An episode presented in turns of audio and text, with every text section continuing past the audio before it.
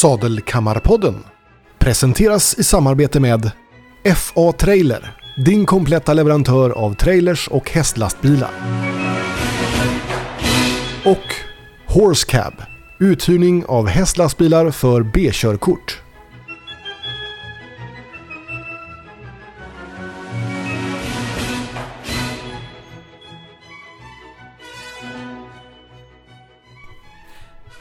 Välkomna till eh, Sadelkammarpodden. Idag så är vi på lite utflykt och gör liveinspelning på Grevagårdens hästsportcenter. Och med oss så har vi även Tommy Valborg som kommer bli en av våra poddmedlemmar här som kommer att vara med och köra livepoddning och intervjua. Hej Tommy och välkommen! Ja men tjena Andreas! Eh, tusen tack att du har kommit hit idag till Grevagårdens ja. hästsportcenter.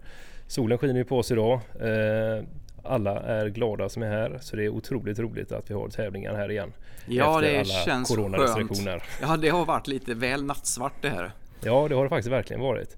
Eh, men som sagt det är jävligt kul att det börjar öppna upp igen och att eh, man ser att det är så många som är här och som har roligt. Folk skrattar, folk firar midsommar Ja, det jag tycker det är helt underbart. Ja, för ni har ju, det är Trollhättan som här arrangerar den här midsommarhelgen och eh, då är det upp ponny och häst upp till 1,35 som vi kör hoppning med. Ja, det stämmer.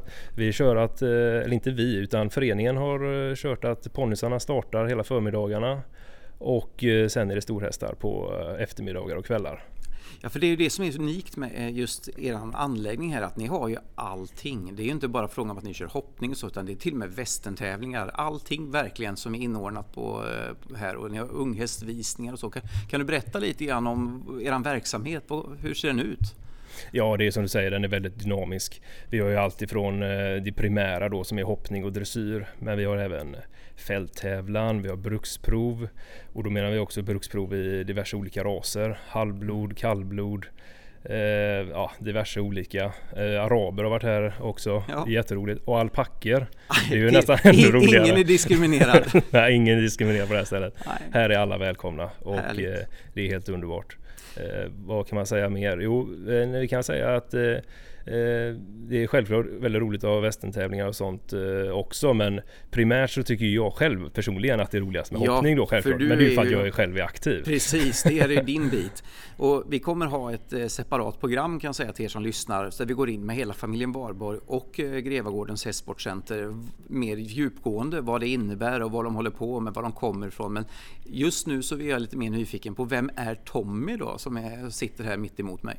Ja, vem är jag då? Det kan man faktiskt undra. Eh, nej, men född och uppvuxen på västkusten, eh, Stenungsund. Eh, har haft eh, infödd i en eh, häst, hästfamilj. Ja. jag red själv då fram tills jag var en 12-13 eh, år innan jag själv då ville satsa på hockeyn egentligen så var mm. det primära. Eh, det är ofta som... häst och hockey går hand i hand har jag märkt eh, när man har pratat med folk. Det är häst och hockeysatsningar. Ja faktiskt, de två dyraste sporterna. Ja. Det är bara att dränera sina föräldrar så gott det bara går. Ja. Det, varför göra det lätt? Men i ditt fall så har du ju haft föräldrar som också varit engagerade med häst så att eh, ni har väl hjälpt åt ganska ordentligt att tömma kontot? Ja men det är självklart definitivt. Eh, mamma har ju alltid varit den eh, primära hästfantasten ja. och det har hon ju varit sedan eh, barnsben. Så att eh, min hockeykarriär den fick ju min pappa stötta lite extra då, ja. även fast mamma var med självklart. Men men man kan säga att... Eh, Tävlingsmässigt och så, hur, hur högt har du... Vad, vad är dina ambitioner och, med hästeriet? Vad, vad har du för mål i framtiden? Ja, mina mål är ju att ta sig så långt det bara går. Mm. Jag tänker jag siktar mot stjärnorna så kommer jag till trädtopparna så är jag nöjd. Ja. Men eh, huvudsaken är att jag ska ha kul hela vägen. Hästarna ska må bra och, och vi ska ha kul tillsammans. Ja. Och det är en sund inställning. Det är någonting vi har pratat om ofta i våra program att ha kul tillsammans. Så länge man har roligt, det är det det ska gå ut på hela alltet. Ja men, men eh, definitivt. Det, vart är du just nu i din utveckling? Nu ligger jag på 1,20 nivå. Mm. Eh, jag tog upp min eh, ridkarriär för tre år sedan igen. Det var egentligen när min familj köpte Grevagården. Mm. Flyttade jag hit efter mina studier och påbörjade en anställning här i, i Skövde-trakten och ja. kände att nej, men nu, vill jag, nu vill jag nog faktiskt börja igen. Ja, det föll sig ganska naturligt att när ja. ni har den här stora anläggningen att ta, jag menar, ni har ju mer än två stallplatser i alla fall. Hur många är det här egentligen? Ja, men det är, en 35 eh, permanenta ja. hästar som är här. Sen och under ju, tävling så blir det ju brutalt mycket mer. Ja, vi har ju 220 stycken extra stallplatser då för ja. meetingsboxar så att säga. Ja, nej, det, är en, det är en väldigt fin anläggning ni har och det, det, är roligt för att normalt sett så ser vi ju då väldigt mycket att det, det hamnar i Skåne det mesta. Och så, men här har vi mitt i hjärtat av Skaraborg en fantastisk anläggning med tävlingar på väldigt hög nivå. Eh, vad är ambitionerna för övrigt för er här? Eh, nej, men, eh, våra ambitioner är att bli Sveriges bästa tävlingsanläggning. Ja. Helt klart. Vi ligger eh, om man exkluderar eh, Norrland så ligger vi i hjärtat av Sverige. Men, ja Eh, hjärtat av Häst-Sverige åtminstone kan man väl säga. Ja, det har varit tufft att ha den satsningen och ambitionen under Corona. Men eh, nu ska väl förhoppningsvis vaccineringar med mera göra att det kan lätta upp betydligt bättre. Och i dagen, den här helgen är ju ett bevis på att det faktiskt bör underlätta. Visserligen ingen publik, men det är... Hur många starter har vi här den här helgen? Eh, det är drygt 200 per dag om jag inte helt ja. missminner mig. Så att eh, det är rejält med starter. Men samtidigt kan man se också att det är så stora ytor så att det blir inga folksamlingar någonstans. Nej, och det som är så fascinerande. Vi kommer även att lägga upp lite foton också från den här dagen och de här dagarna som man kommer kunna se på eh, våran sajt sen på Sadelkammarklubben. Eh, hur det ser ut och även så har vi tagit lite bilder och så åt er som ni kommer kunna använda. Eh, men det är väldigt stora ytor som sagt var. Det är ingen trängsel och normalt sett så har ju hästmänniskor vett på att hålla en hästlängds avstånd för att man vill ju inte bli sparkad eller trampad i onödan. Ja, definitivt, det är ju någonting som ligger eh, djupt rotat. Ja. det är ju någon, någon sorts självbevarelsedrift som ligger ja, hos folk. Det gör ont, vare sig det broddar eller inte. ja, det gör det. Men eh, som sagt var, vi har ju fantastiskt väder och allting och vi ska se, vi kan, ska försöka plocka in lite folk från tävlingarna också och få låta er lyssna lyssnare få höra lite grann om deras åsikter om dagen. Men eh, ska vi gå ut och jaga lite folk helt enkelt Tommy och se om vi kan, vilka vi kan få med oss? Ja, men det tycker jag vi gör. Ja, men då går vi och gör det. Jajamän.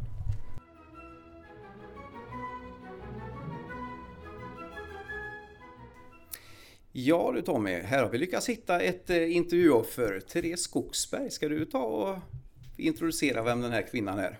Ja, det är ju Therese har ju varit tävlingsledare på flertalet av eh, eh, tävlingar här hos oss. Hon gör ett ypperligt jobb. Eh. Hur känns det att vara tillbaka här på Grevagården? Det känns väldigt bra. Nu har vi ju haft en del tävlingar här så nu är vi ju injobbade på anläggningen och det är väldigt skönt att ha tävling här där allt finns på plats och det är bra banor och underlag och det är en bra anläggning för att kunna göra bra tävlingar på. Ja men definitivt. Men man märker ju att ni börjar komma in i gamet. Det märker man verkligen. Det man öppnar bara garageporten där uppe så är maskinerna ute. Då har ni redan fått för det ni behöver. Och sen ja. plötsligt så är banan uppbyggd. Ni går som son i huset helt enkelt. Ja nu känner vi oss som hemma. ja men exakt. Men eh, nu har ni en stor tävling den här helgen då. Eh, hur, eh, hur tycker du att det går så här länge?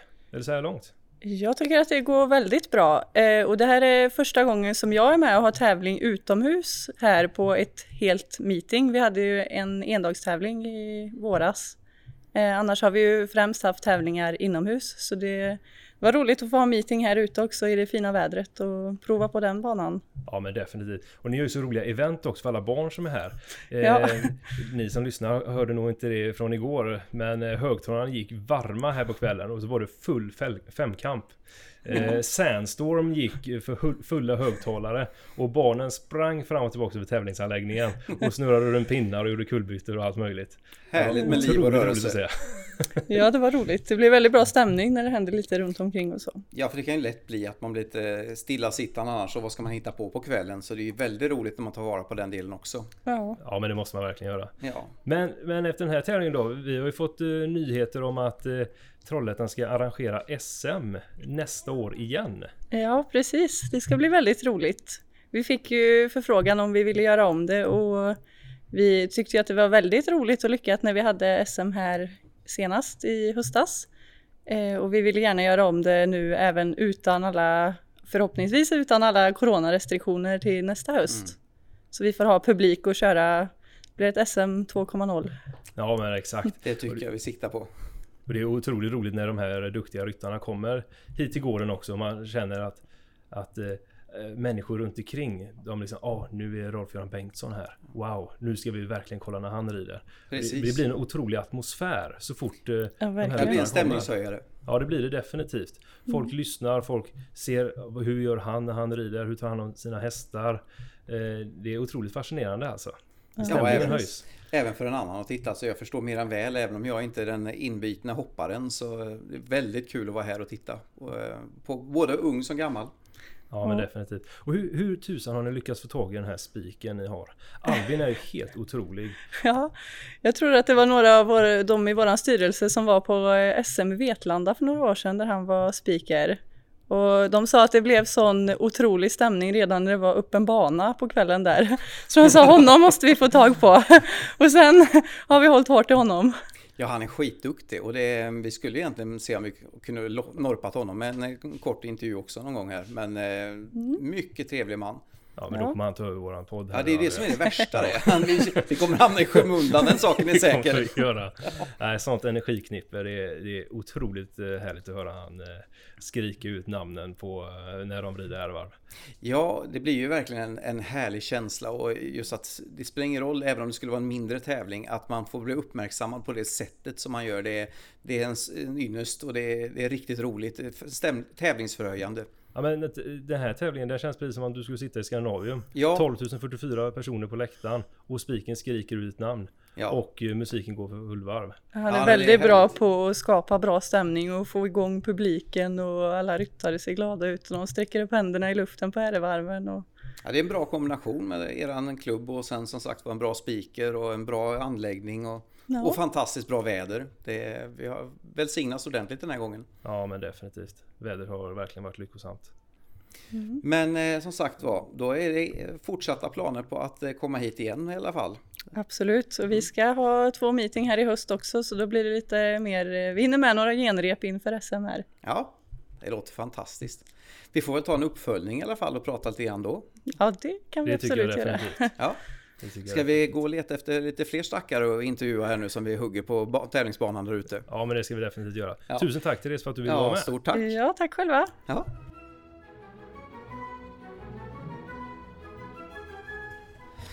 Ja, då sa Tommy idag. Vi har hittat Anna Bindberg här också. Så att, eh, vem är då den här tjejen? Ja, Anna Bindberg, välkommen till vår lilla studio här idag då. Nu får du ta din mick i handen också så vi kommer att höra vad du eh, har att säga här. Och du bor inte så långt härifrån och har en otroligt fin här som du har presterat otroligt bra med i helgen.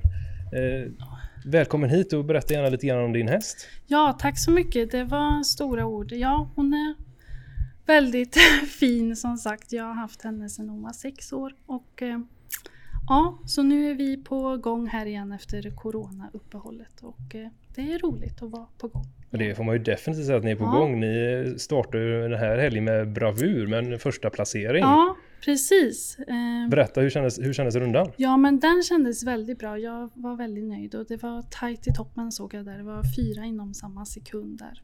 Men, men vi var snabbast och det var roligt. Jag har en lite rolig historia där faktiskt. Och jag tror det var därför jag vann också. Det var att min sambo sa att om jag vann alla tre klasser här i helgen så skulle han bjuda på våran semester. Så det var nog att...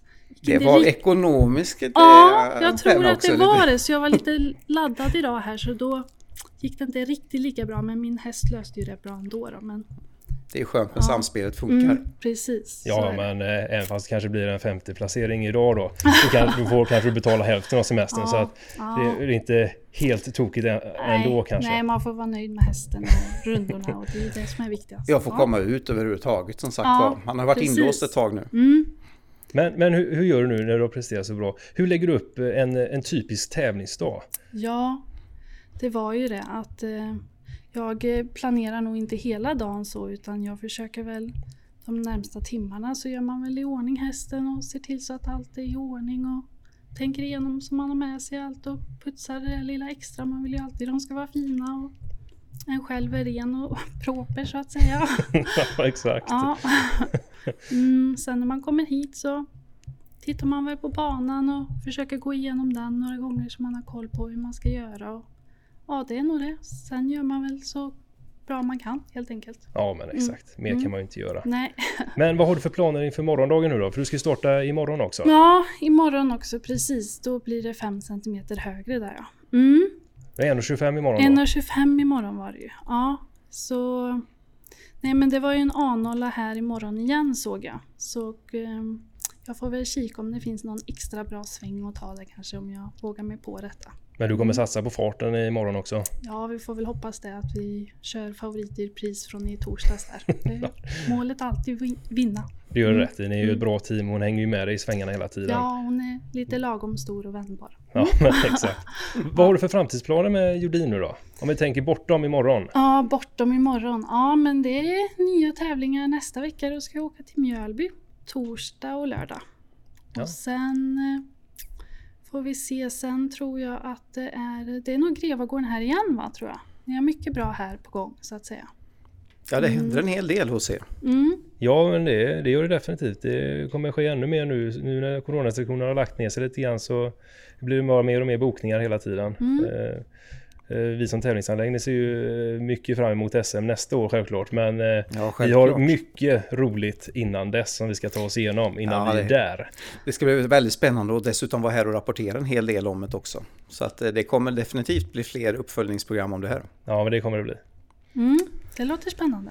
Men eh, vi får säga så här att det är ju stort lycka till och eh, som sagt jättekul att du vill vara med. Så att eh, väldigt spännande att se alla tävling, tävlingsekipagen här nu. Ja, Ja, det ska bli väldigt spännande. Många fina export som är här idag. Ja. Så det är otroligt fint. Men tusen tack Anna för att du ville vara med. tack så mycket. Ja, stort tack!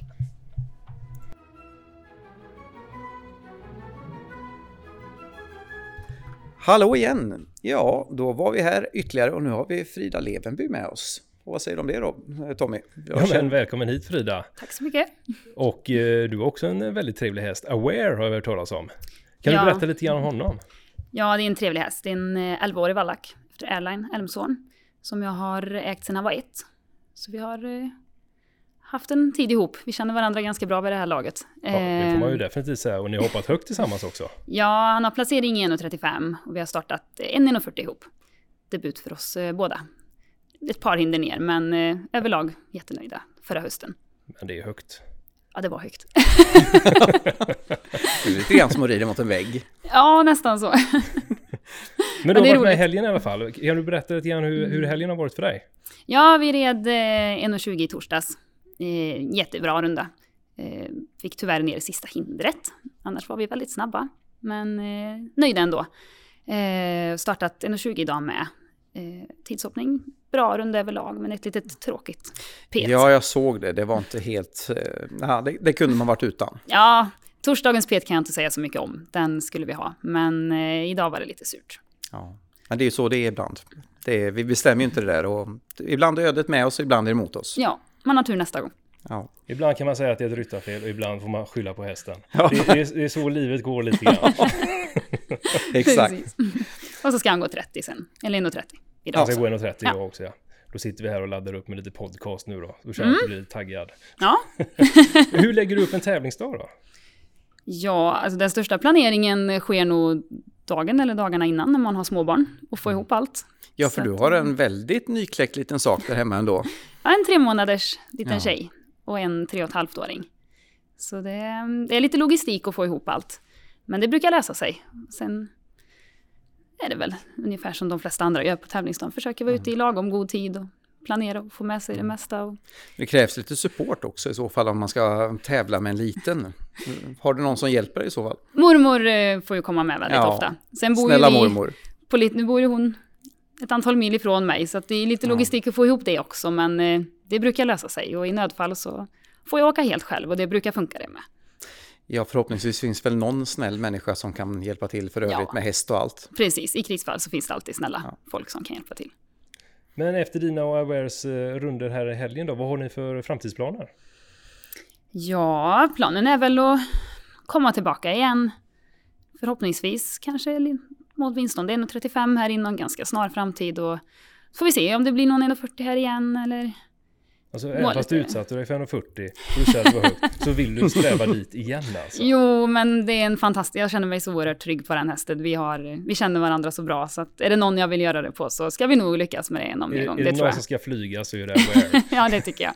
Be aware. Precis. Be aware till och med, just det. Hur känns det att tävla här på Grevagården då? Hur gillar du den här anläggningen i, i sin helhet? Det är ju en jättebra anläggning. Verkligen bra. Vi är ju här många gånger om året.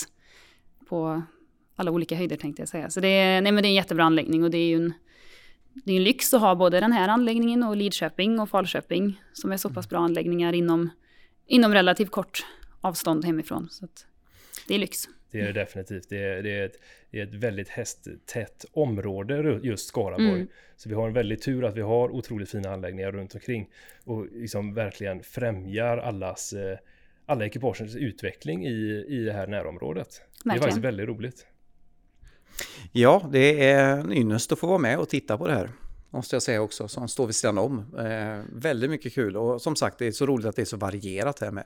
Att ni har inte bara fokuserat på en sak utan vi får hoppning, dressyr och allting som jag sagt. Det är jättekul att se. Ja, det är faktiskt väldigt roligt. Det är det definitivt. Men eh, jag vet att Frida har en liten som väntar. Eh, mormor håller visserligen vakt men eh, det var väldigt snällt att du vill komma in och slänga ett par ord med oss i alla fall. Så vi tackar så jättemycket. Tack, tack. Så på återhörande.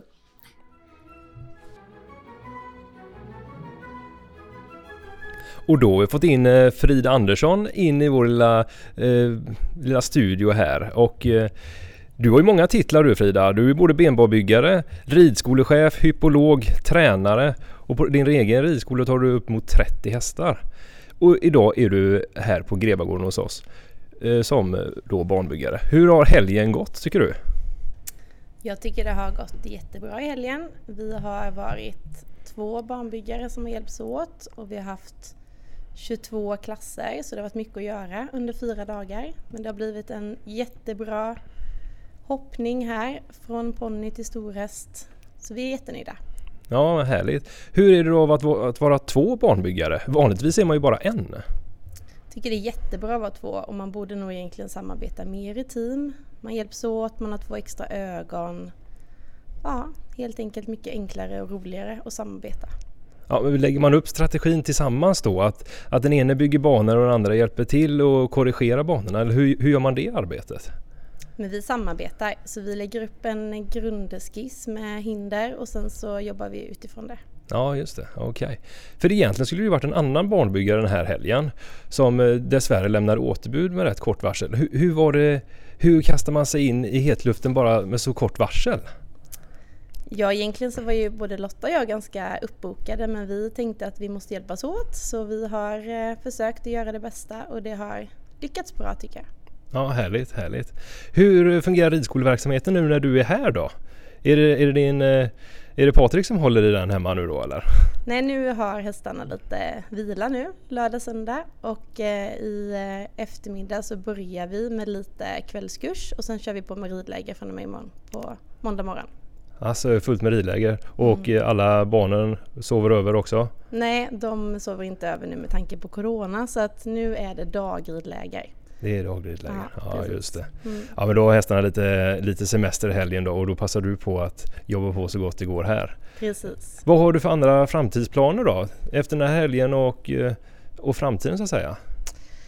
Eh, nästa vecka nu så har vi ridläger och sen ska vi städa ordning lite på ridskolan i stallet och sen åker jag till Falsterbo och är assisterande barnbyggare till Fredrik Malm under Falsterbo Horse Show. Jaha, det låter jättespännande ju. Det blir spännande. Och då får du ju ingå i ett nytt team igen då. Precis, det stämmer bra. Eh, Och det ska vi väl nämna också att, eh, att ridskolan ligger i, i Falköping. Ja, För det har vi nog faktiskt inte nämnt än så länge. nej, Ja, och som sagt var, det är ju inte första gången du är här heller antar jag. Utan du har du är återkommande tema i området på, eh, på Ja. banbyggeriet. jag har ju inte byggt banorna här innan men jag har varit här när det har varit tävlingar så jag känner till anläggningen men eh, nu fick jag uppleva den lite mer inside. Ja. Så den är en fantastisk anläggning med jättebra underlag och väldigt bra hinder och duktiga funktionärer så det har varit väldigt roligt att vara här. Just underlaget är ju någonting som vi inte har pratat om men det är någonting som syns tydligt också. Den vattnar väldigt flitigt och det, den sköts ordentligt alltså. Den blir riktigt ompysslad för det bästa möjliga resultat för alla tävlande. Ja det är ju fibersand på alla banorna här och det mm. kräver ju Det är ett otroligt bra underlag men det kräver egentligen flest manstimmar om man säger så. Mm. Det krävs ju otroligt mycket vattning och har man misslyckats med vattningen då kan man liksom inte komma ikapp heller utan Nej. då krävs det några otroliga mängder vatten. Men jag ser traktorn ut regelbundet och vattnar flitigt på de här banorna. Ja men det gör de definitivt. Och man kan ju dra parallellen i Falköping så har ni ju ebb och flod istället. Mm. Vad, vad, ser du för, eh, för olikheter? För även Falköping har ett otroligt bra underlag. Det är ju mm. väldigt sällan, eh, eller jag har aldrig varit med om att, eh, att, att underlaget har varit sämre i Falköping på det sättet utan tycker alltid att det är bra. Mm. Ebb och flod då kommer vattnet underifrån så då ställer vi det hur mycket, hur hög vattennivå vi vill ha. Så vi behöver egentligen bara sladda och jämna det hela tiden. Så det, den största fördelen är ju att man aldrig behöver ha några pauser för vattna utan att det sköts automatiskt. Här behövs det ju då fler människor som vattnar i nästan alla pauser hela tiden. Mm. Ja det gör det definitivt. Och så mm. fort eh, det är lite varmare och vinden ligger på då är det verkligen varenda paus Precis. som den här stora tunnan måste in och, och tömmas. Ja, på, och så ebb och flod har ju också den möjligheten att om det blir ösregn så kan man liksom dra ut proppen så att man tömmer banan snabbt. Aha, och då okay. blir det också inte kladdigt utan då kan man pausa en halvtimme om det skulle behövas och så tömmer man ut det och sen är det bra igen. Ja just det. Men som banbyggare då, när man, när man bygger banor på olika underlag. Hästarna går ju olika snabbt på de olika underlagen. Hur, hur är det ni tänker när ni väl bygger upp banorna då? Egentligen så är det ju mest beroende på storleken också på banan. Så att man hela tiden tänker att det ska vara rytmiskt, det ska vara galoppvänligt och hästarna ska ja, hela tiden vilja framåt, att det inte blir för snäva vägar. Eh, bygger du på gräs till exempel så måste du tänka ännu mer på att det inte får bli halt och så i svängar och sådär. Så att man tänker hela tiden på rytmen. Ja just det, jag förstår. Vad är roligast, vilken bedömning tycker du är roligast att bygga? Är det, är det vanlig A0 när man kan liksom lägga upp hela banan strategiskt för att ryttarna ska kunna få välja då om de ska ta, kunna ta de kortare vägarna, långare sträckorna med förlängd galopp? Eller vad är, det, vad är det du föredrar att bygga på? Alltså det roligaste är väl att, det, att man bygger lite olika banor så det blir variation under tävlingshelgen. Eh, sen är det ju alltid roligt att avsluta som vi gjorde igår med en ja, hederlig A1A. Det blir lite mer som en finalkänsla när man kommer in och rider en omhoppning efteråt. Det blir det definitivt och sen Albin som speaker också. Absolut. Det, det, känns ju som att man är i Skandinavien fast man har inte 2044 personer på läktaren utan man har 20 föräldrar som tittar på. Men det känns lika, lika häftigt ändå. Och musiken och det är också, det betyder ju mycket. Så att, och det är väldigt fina priser här och det blir en härlig känsla liksom vid prisutdelningen. Ja men det blir det definitivt.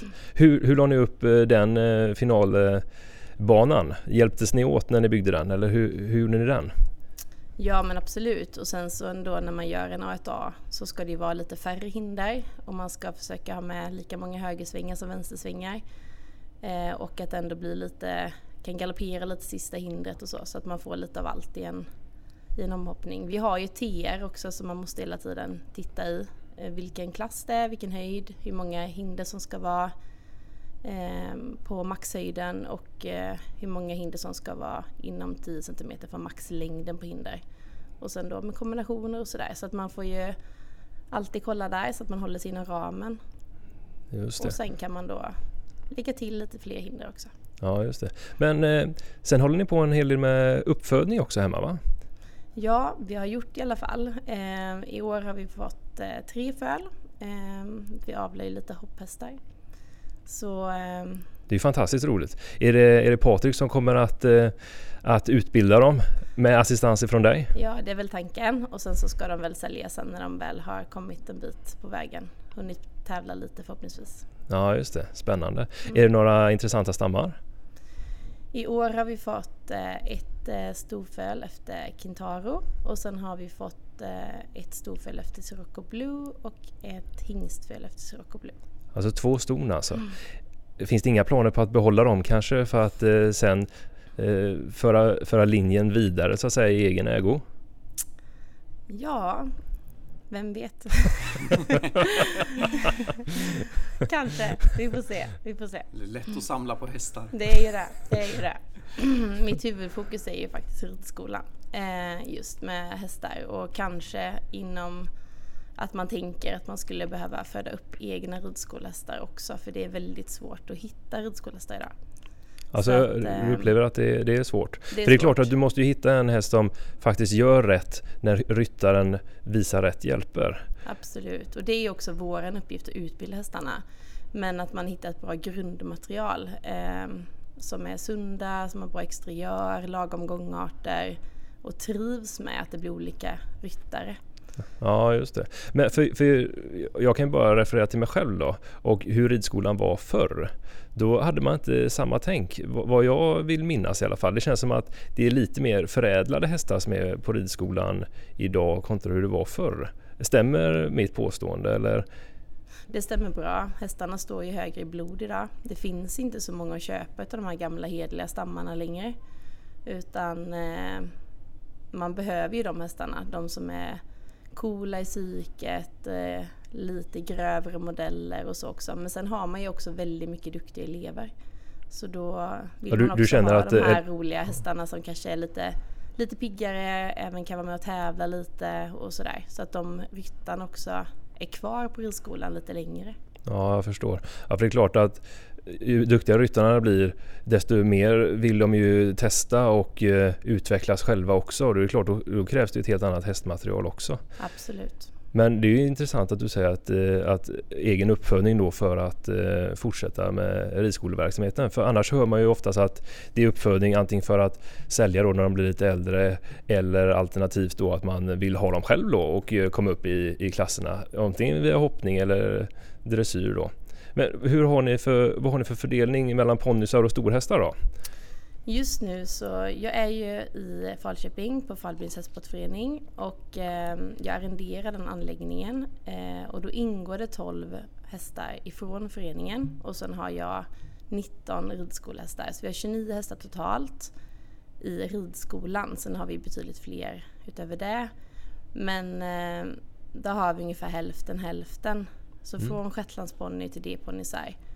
Eh, och sen har vi då storhästar också. Är det någon som du håller som lite mer favorit? Det är Eller? nog våran eh, minsta shetlandsponny Gladiator. Han fyller 30 nästa år. Oj, Oj. Ja, det är inte illa. nej. Vi är- har en 28-åring hemma. Det är, det är också så här, han är friskast i hagen och piggast i, i gänget annars. Ja, ja. Så han är mest som en maskot nu. Ja, Ja. Ja, just det. Just det.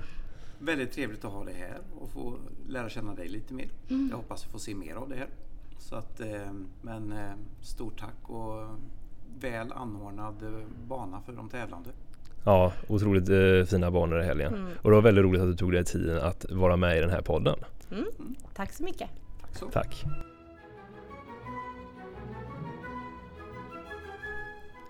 Och nu har vi fått in eh, Ludvig Olin till vår studio här. Välkommen hit! Ja, välkommen. Tack. Och du har ju med dig två hästar den här helgen och på det här meetinget som Troll- Trollhättan håller och här hos oss på Grevagården. Eh, Den ena heter Bjärnesby Fjördi. Uttalar jag det rätt? Ja, Fergie. Fergie. Och eh, du startade med den hästen redan i, i torsdags var det då. Eh, Du startade lite lätt med en lätt A. Ja, precis. Eh, Det är väl lite i tävlingsplanen så att vi börjar med en höjd som känns enkel så att hästarna får komma in i tävlingsplatsen och vänja sig vid det hela klimatet så att säga. Ja, Okej, just det. Och sen eh, nu de kommande dagarna här så har du hoppat lite högre med Fergie också eller? Ja, precis. Eh, Medelsvår har vi legat på. 1,20 motsvarar väl det då. Men det måste kännas högt att komma på en D-ponny och hoppa 1,20. Ja, ja, till en början när jag började tävla medelsvår så var det ju väldigt stort. Men eh, man vänjer sig. Ja, du känner att du har liksom synkat med hästen och att det Nu känns det inte som att du rider mot en vägg längre utan nu känns det som att men det här klarar vi. Jajamän.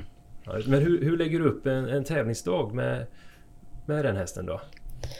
Eh, med just henne så är det väl eh, inte så jättemycket förberedelse. Hon behöver väl jogga fram i en 10 minuter kanske innan vi går in på framhoppningen. Vi kommer in på framhoppningen, hoppar ett språng på kanske 80 beroende på klassen. Men säg medelsvår så hoppar vi rätt, början på ett räcke på 80. Eh, hoppar ett till räcke på cirka en meter. Eh, går över sedan till oxer. Däremellan så är det en liten paus.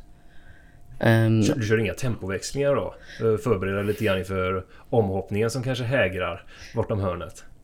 Uh, nej, alltså omhoppningen då lägger jag upp en plan med vägar och annat och brukar ofta satsa mer på vägar. Sen så i grundtempot ska ju alltid finnas där men vägarna är oftast det som avgör mest i omhoppningen skulle jag säga. så den... Det är ju lite olika med olika hästar man har. Vissa är ju, är ju sådana som bara vill dra sig framåt och man känner att ja, det kanske inte går att svänga så mycket men det går fasen att rida fort framåt. Ja. Men hur skulle du säga Fergie är då? Hon är väl väldigt kvick i fötterna, snabb, en stark vilja till hinder men väldigt snabb att svänga samtidigt också. Ja, just det. Spännande. Men sen har du även en stor häst med dig den här helgen som heter eh, So Brave. Och jag har även hört att den är efter då Dakar CC. Hur, eh, hur är den hästen att rida? Eh, han är ju lite tyngre och större i kroppen då. Han är väldigt mycket större än vad Fergie är. Eh, mycket större galopp. En helt annan häst att rida egentligen. Vad har du för mankhöjd ungefär på den hästen då? 1,78. 1,78. Och du är bara 15 år, men du håller ihop honom ändå? Ja, absolut. Ja, han är rätt Ja okej, okay, han är lätt i munnen men eh, stora, stor kropp ändå. Så det, ja men jag förstår. Eh, gör du någon skillnad i, i uppvärmningen om du tänker Fergie kontra So Brave? Absolut. Eh, han får man rida fram eh, en längre tid eh, så att han släpper nervositeten lite. Han brukar bli ganska nervös här på tävlingsplatsen. Ja okej, okay, han går runt och är lite spänd. Precis. Ja okej, okay, jag förstår. Men sen när du väl har kommit fram eh, på framridningen och du kommit igång lite grann och han börjar släppa nervositeten. Du kommer på framhoppningen. Eh, lägger du upp samma upplägg ungefär med honom också eller? Ja precis. Eh, ett lägre räcke, ett inte superhögt, sen efter bara lite högre. Och så går jag över till också två språng där kanske och så avsluta på ett räcke. Okej, okay. och sen kommer du in på tävlingsarenan. Du har kanske kollat redan lite grann innan vilka hinder du ska visa honom. Eh, brukar även eh, ta de omhoppningssvängarna du har planerat. Brukar även eh, alltså leda honom förbi de svängarna så han vet ungefär hur han ska göra. Eller hur lägger du upp det? Ja, jag brukar ju rida runt nästan varje hinder. Så att jag sätter upp en ganska stor trav med god pondus så att säga. Mm. Så han får se allting. Sen så omhoppningsvägarna så visar jag vissa går emellan hindren när jag ska och sådär så att han hänger med på det också. Ja, just det. Och, och, du eh, Ludvig, du har ju precis som mig att vi, vi tränar ju båda för våra, för våra mammor primärt. Som är, de är ju eh, tränare båda två. Hur, hur känns det för dig att träna för din, eh, för din mamma? det är väl alltid så att jag blev väl nästan uppkastad på hästryggen. Nej men inte riktigt. Men nästan så. Jag har vuxit upp på gården där vi alltid haft hästar och sådär. Så jag har väl alltid tränat för mamma så alltid hjälpt mig. Och... Det är extremt viktigt att ha den eh, supporten eh, i ryggen och jag vet att din, din pappa är också otroligt eh, involverad i, i verksamhet. Absolut, de har väl byggt upp det här tillsammans och gården och sådär. Um, sen så är det ju mamma som har haft hand om mig på träningsfronten och pappa har väl varit lite... Han är support i ren allmänhet. Ja, just det. Ja, jag förstår. Eh, sen har ni, håller ni lite grann i uppfödning hemma också? Precis. Det Hur? sysslar vi med. Just So Brave, han är ju egenuppfödd hemma. Ja, han är egen uppfödning alltså? Precis. Eh, mamman är fortfarande kvar hemma. Ja, härligt. Är det några föl som har kommit i år? Eh, nej, inte just i år. Vi, senaste fölet var kanske två år sedan Ja, okej. Okay. Är det, några, är det några insemineringar som är inplanerade i år så det kommer föl nästa år? Eller hur ser det ut? Inte nu? Nej, okej okay, jag förstår. Vad har du för egna framtidsplaner eh, i din egen karriär så att säga som ryttare? Eh, ja, nu i år så skulle jag väl eh, komma upp på 1,30 på storhästarna. Då jag släpper ponnytiden lite och lämnar över till lilla syster. Ehm, men längre fram så skulle jag väl vilja ligga rätt högt i höjderna, 1,40 där. 1,40-1,50. Det låter väl som en eh, bra målsättning definitivt. Men nu, nu går du ju över från ponny till stor häst och det är ju en, det är en viss skillnad. Skulle du kunna berätta vilken skillnad du känner? det är väl att det är mycket mer att tänka på. Um, ponnytiden, eh, den är ju rolig och sådär och det är mycket att ponnyerna gör jobbet för en. Sen så storhäst blir det, man blir lite ensam uppe på, man får, man ska kunna det mesta. Sätta avstånden helt rätt till hindret och ha bra galopp och sådär. Så. Ja men exakt. Men, men nu, det är ju inte bara du som tävlar i helgen utan du, eh, Linda, din mamma tävlar ju också i helgen. Eh, supportar du henne lika mycket som hon supportar dig? Eh, det skulle jag väl eh, vilja säga. Jo, Du skulle vilja påstå det i alla fall. absolut, jag hjälper till på framridning, framhoppning. Ibland så är det till och med så att jag flikar in med något som behöver korrigeras och sådär. Så att eh, vi hjälps åt ganska mycket. Ja, men det låter som ett jättebra lagarbete. Och så har du lilla syster också. Eh, och hon ska ta över Fergie efter dig. Precis. Kommer hon eh, eh, komma överens med Fergie tror du? Absolut, hon har redan börjat rida lite och jag har stått vid sidan som coach. Så jag har väl ersatt mamma lite i rollen här på Fergie. Ja men det, då. ja, men det är väl jättebra. jättebra. Eh, är, är det bara hoppning som gäller för dig? Eller är det även något annat inom eh, hästkategorierna? Nej, jag har hållit på med hoppning hela livet och jag planerar nog för det i framtiden också. Sen så är det ju mycket dressyrsim hemma på hästarna så att man har dem i schack och så. så det, Ja, för det krävs ju otroligt mycket markarbete för att få hästarna att verkligen göra vad man vill på banan. Eh, jag drar från mina egna erfarenheter så är det ju inte det svåraste att vara över hindret. Då är det väl egentligen eh, stå i fältsits. I värsta fall om det är en, eh, en, eh, mycket tryck i hästen så kanske man måste hålla i manen. Men det är ju mellan hindren som det faktiskt är det svåra. Är det, är det på något sätt eh, du tränar i ditt markarbete för att få bättre kontroll mellan hindren? ja, det är väl eh, mycket ehm, få hästen lösgjord. Um, se till så att den är lösgjord i bogar och hals. Så den är lite av, främst avslappnad mellan hindren och sådär så att man, den inte är så hetsig och spänner sig för något. Är det mycket, tränar ni mycket cavaletti hemma med bommar på, på marken och sockerbitar på olika distanser och sånt där också? Absolut. Mycket distansträning är det. eh, Så att man har koll på det. Ja, just det. Just det. Ja, men eh, fantastiskt trevligt och jättekul och nu ska vi dra och eh, stänga ner för den här gången snart. Det är inte lång tid kvar på den här tävlingen av Midsommarhoppet och vi tackar jättemycket för att du ville komma hit Ludvig. Eh, fantastiskt roligt att ha det här. Vi kanske får göra ett återbesök hos dig på någon annan gång när vi är här och sänder. Men eh, tack så jättemycket för att du kom. Ja, tusen tack Ludvig. Mm. Ja, och då börjar vi ju närma oss. eh, Solen har gått ner. Vi har fått lite regnstänk på oss och vi har fått in en ny vän in i studion. Albin Bolin. Välkommen. Välkommen, välkommen. Ja men tack för det, tack för det. Du är ju lärare till vardags och speaker här på Grevagården och på flera andra tävlingar också för den delen. Hur, hur är det som en kombo? Jo men det funkar ganska bra faktiskt. Eh, Jag jobbar ju som lärare, utbildar bilmekaniker till vardags och sen då blir det tävlingar på helgerna. Så jag brukar skoja om att det är hästkrafter på heltid för mig då. Eh, och så eh, har jag ju förhandlat noga med min chef och rektor så att jag är faktiskt lektionsfri på fredagar så att man kan komma iväg på de här tävlingarna som håller på mer än, än bara under helgen. Jaha, härligt, härligt. Du har ju sånt engagemang när du pratar och är speaker. Hela, hela arenan, hela anläggningen här höjs ju till skyarna när du skriker ut barnens namn, eller vuxnas namn också för den delen. Eh, både vinnare, de som går felfria genom eh, sina runder. Hur startar det här engagemanget? Ja men eh, hur startade det? Det kanske är svårt att svara på men jag tycker att det gör ju ingenting om man får känna sig lite som en världsmästare när man rider, vilken nivå den är på.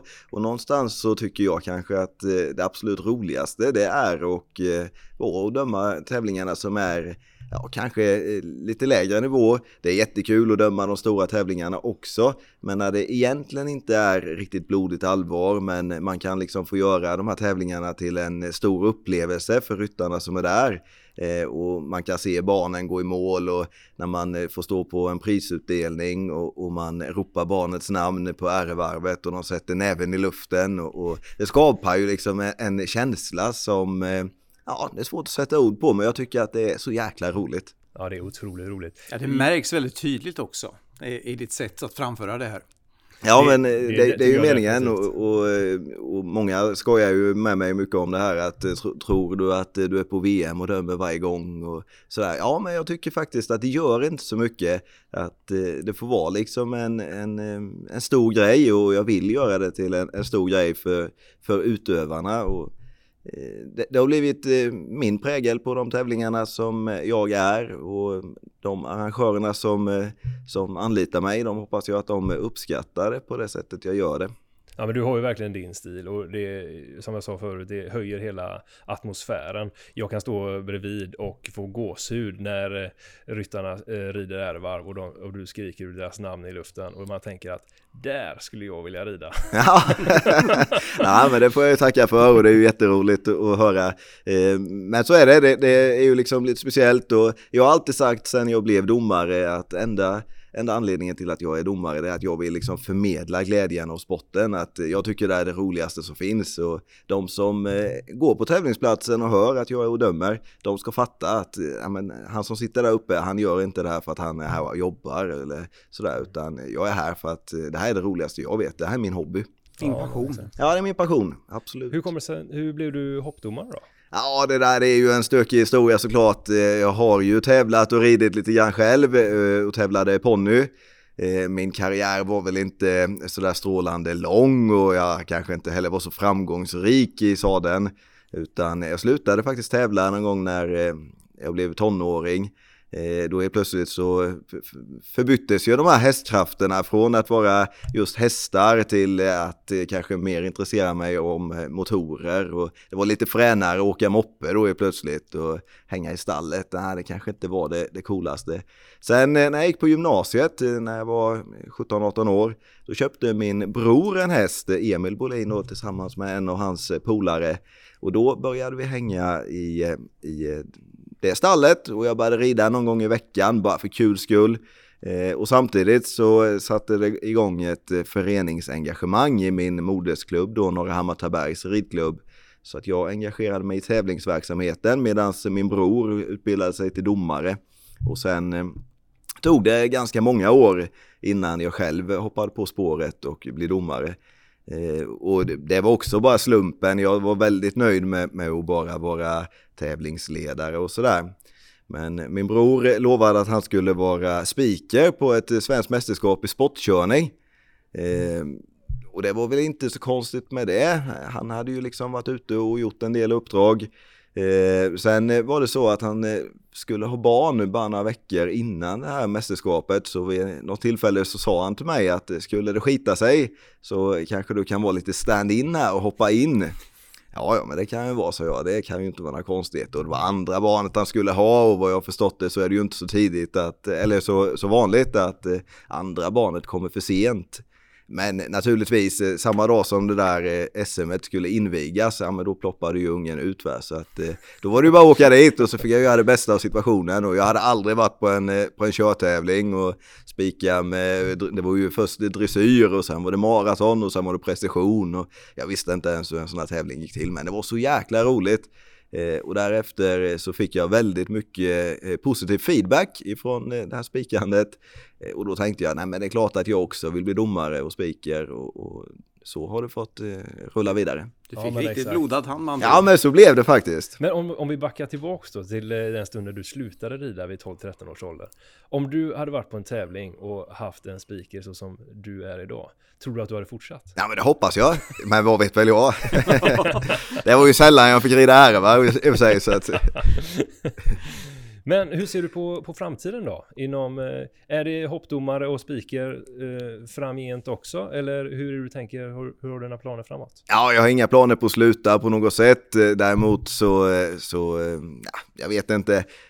Någonstans förra året eller för två år sedan då kanske jag gjorde upp mot en 60-70 tävlingsdagar. Eh, Och det, det är ju lite mastigt. Ja, du måste ta på krafterna. Ja, men så är det. Särskilt med din energinivå också. Du ger ju så himla mycket energi. Ja. Så det är svårt att förstå hur, hur du kan ha någon energi kvar och sitta här nu efter en Ja, men, men och det är ju så, man har ju skitkul när man sitter där och gör det va. Sen är det ju segt när man åker hem på söndagskvällen och, och det är fyra timmar hem och tävlingen är slut vid åtta och sen så vet man att imorgon är det måndag igen. Då sitter eleverna i bänkarna och väntar på mig eller ska ut i verkstaden och skruva. Det är ju enda gången som man kan ångra att man är ute på de här tävlingarna. Det är på söndagskvällen när man känner att det var denna helgen det också. Ja men exakt. Är du hes på måndagarna då? Ja men det kan hända ibland lite grann kanske.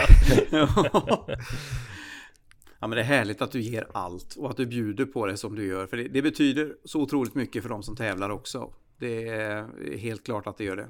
Och det gör ingen skillnad på, på barn eller vuxna heller. Det, det är samma driv oavsett ålder på den som eh, står och lyssnar på dig. Ja, jo, men så försöker jag ju ha det. Va? Sen eh, kan det ju kännas lite konstigare ibland och eh, gapa och skrika på de vuxna på samma sätt som man gör för barnen. Men, men tror du inte att det kanske är lite smått skämmigt för de vuxna? Men innerst inne så, så ler de från öra till öra. Tror du inte ja, att det är så? Och jag vet ju det, eller jag, jag är ju helt övertygad om att det finns ju ingenting som slår att få höra sitt eget namn i högtalarna. Att det är ju liksom den bästa känslan och sen det finns ju ingen ålder för det utan så bara är det. Ja men definitivt. Vad, vad, tycker du om tävlingarna nu i helgen då? Ja, fantastiska tävlingar. Att komma till Grevagården, det är ju alltid lika roligt. En fantastisk anläggning som eh, bjuder upp eh, till dans varje gång med eh, eh, alla sportsliga förutsättningar. Alltså man kan ju inte få det bättre än så här. Trollhättans Sportryttare som står som värd för den här tävlingen. Det är ju ett fantastiskt gäng, alltså jag tror aldrig jag upplevt något annat med ett, ett gäng som har så roligt ihop under hela helgen och allting ser de till eh, bli perfekt. Jag har ingenting som jag kan säga att det här borde ni verkligen tänka på att göra bättre utan jag tycker att det är riktigt, riktigt bra och riktigt roligt att få med i, i Ja, men jag håller verkligen med dig och sen är det ju de, de är, Trollhättan, de har så många funktionärer, All, alla är delaktiga. Man ser att eh, eh barnen springer runt och hjälper till med det de kan. Deras föräldrar Eh, kämpa på så gott det går och, och de är ute i regnet och bygger banor och ute i solskenet och svettas och... Ja men så är det och, och, och, jag har aldrig hört någon av de här funktionärerna någon gång gnälla liksom och säga att man vill åka hem eller att varför ska vi vara här eller och alla har också som mål till att göra allt de gör så bra det bara går. Man är liksom så otroligt noggranna med, med alla detaljer och det tycker jag är fantastiskt. Ja men definitivt, jag tänkte även på SM som var senast hur de eh, gjorde alla små tillgrejer. Alltså det är leka för barnen, det är, det är invigning. Alla får gå upp på det stora podiet under invigningen. Det är en egen SM-låt ja. som faktiskt är väldigt bra Jajamän. också. Jajamän. Som är svängig, härlig. Och, och det sjungs nationalsång. Ja. Och helt plötsligt kommer SVT och filmar. Alltså det, ja det är ju jättespännande. Ja men så är det. Här har ju liksom ingenting lämnats åt slumpen utan eh, man känner att det är verkligen genomtänkt och alla har sina ansvarsområden som man också ser till att göra liksom perfekt. Det är någon som står här nere i restaurangen som ser till att det är den bästa maten. Jag har aldrig varit på en tävling där det är så bra mat som här. Det är någon som har hand om priser och ser till att det är priser i varje klass. Rosetterna eh, är stora. Rosetterna är stora. Och B-ponnysarna nästan trampar på Ja, ja visst och, och, det är ju det som gör känslan liksom av ett perfekt tävlingsmeeting tycker jag. När, när alla de här eh, bitarna bara faller på plats och man kanske kan tycka att det är väl inte så noga vilken rosett vi beställer. Men i helheten så blir det ju det. Ja men det blir det definitivt. Och jag tyckte även eh, när man anordnade SM, just när det var, det var coronarestriktioner som precis har kommit på plats. Eh, det var extremt tydligt när ryttarna fick gå in på banan. Det var avstånd, det blev aldrig några fångstsamlingar. Och ändå upplevde man Eh, knappt att det var några regler för de fick det att flyta på Jajamän, jag. Jajamän. Nej, det var otroligt häftigt eh, och nu så står det ju klart att eh, Trollhättans sportryttare ska vara arrangör för SM även vintern eller hösten 2022 och det blir fantastiskt roligt att se vad de ska göra då när det kan förhoppningsvis vara slut på de här restriktionerna och när man kan göra ett riktigt SM. Exakt, och, och även när man har ett, ett SM i bagaget och gjort så mycket roligt då. Vad kan de hitta på till nästa gång? Det är ju, det är ju extremt spännande att se. Ja, verkligen.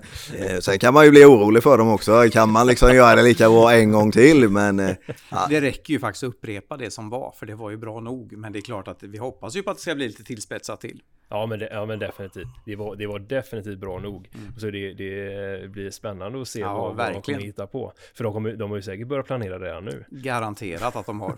Jag har Ja, redan hört det pratas där nere lite grann när man har gått i matkön och så. där. Jag har faktiskt fått lite, hört lite grann och pratat om SM redan. Har du, har du hört skvaller om Albin är bokad som speaker? Nej, det har jag inte, men eh, det tar vi förutsätter att det ska vara.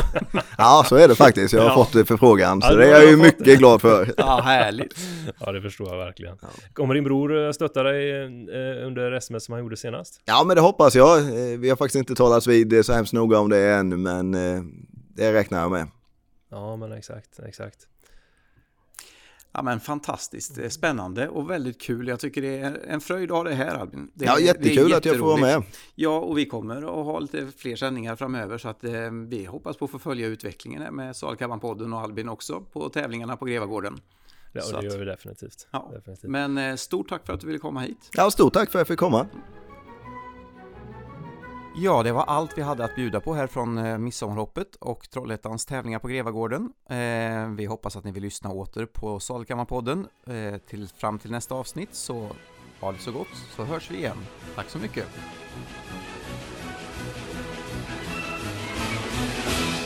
Sadelkammarpodden presenterades i samarbete med FA Trailer, din kompletta leverantör av trailers och hästlastbilar. Och Horse Cab, uthyrning av hästlastbilar för B-körkort.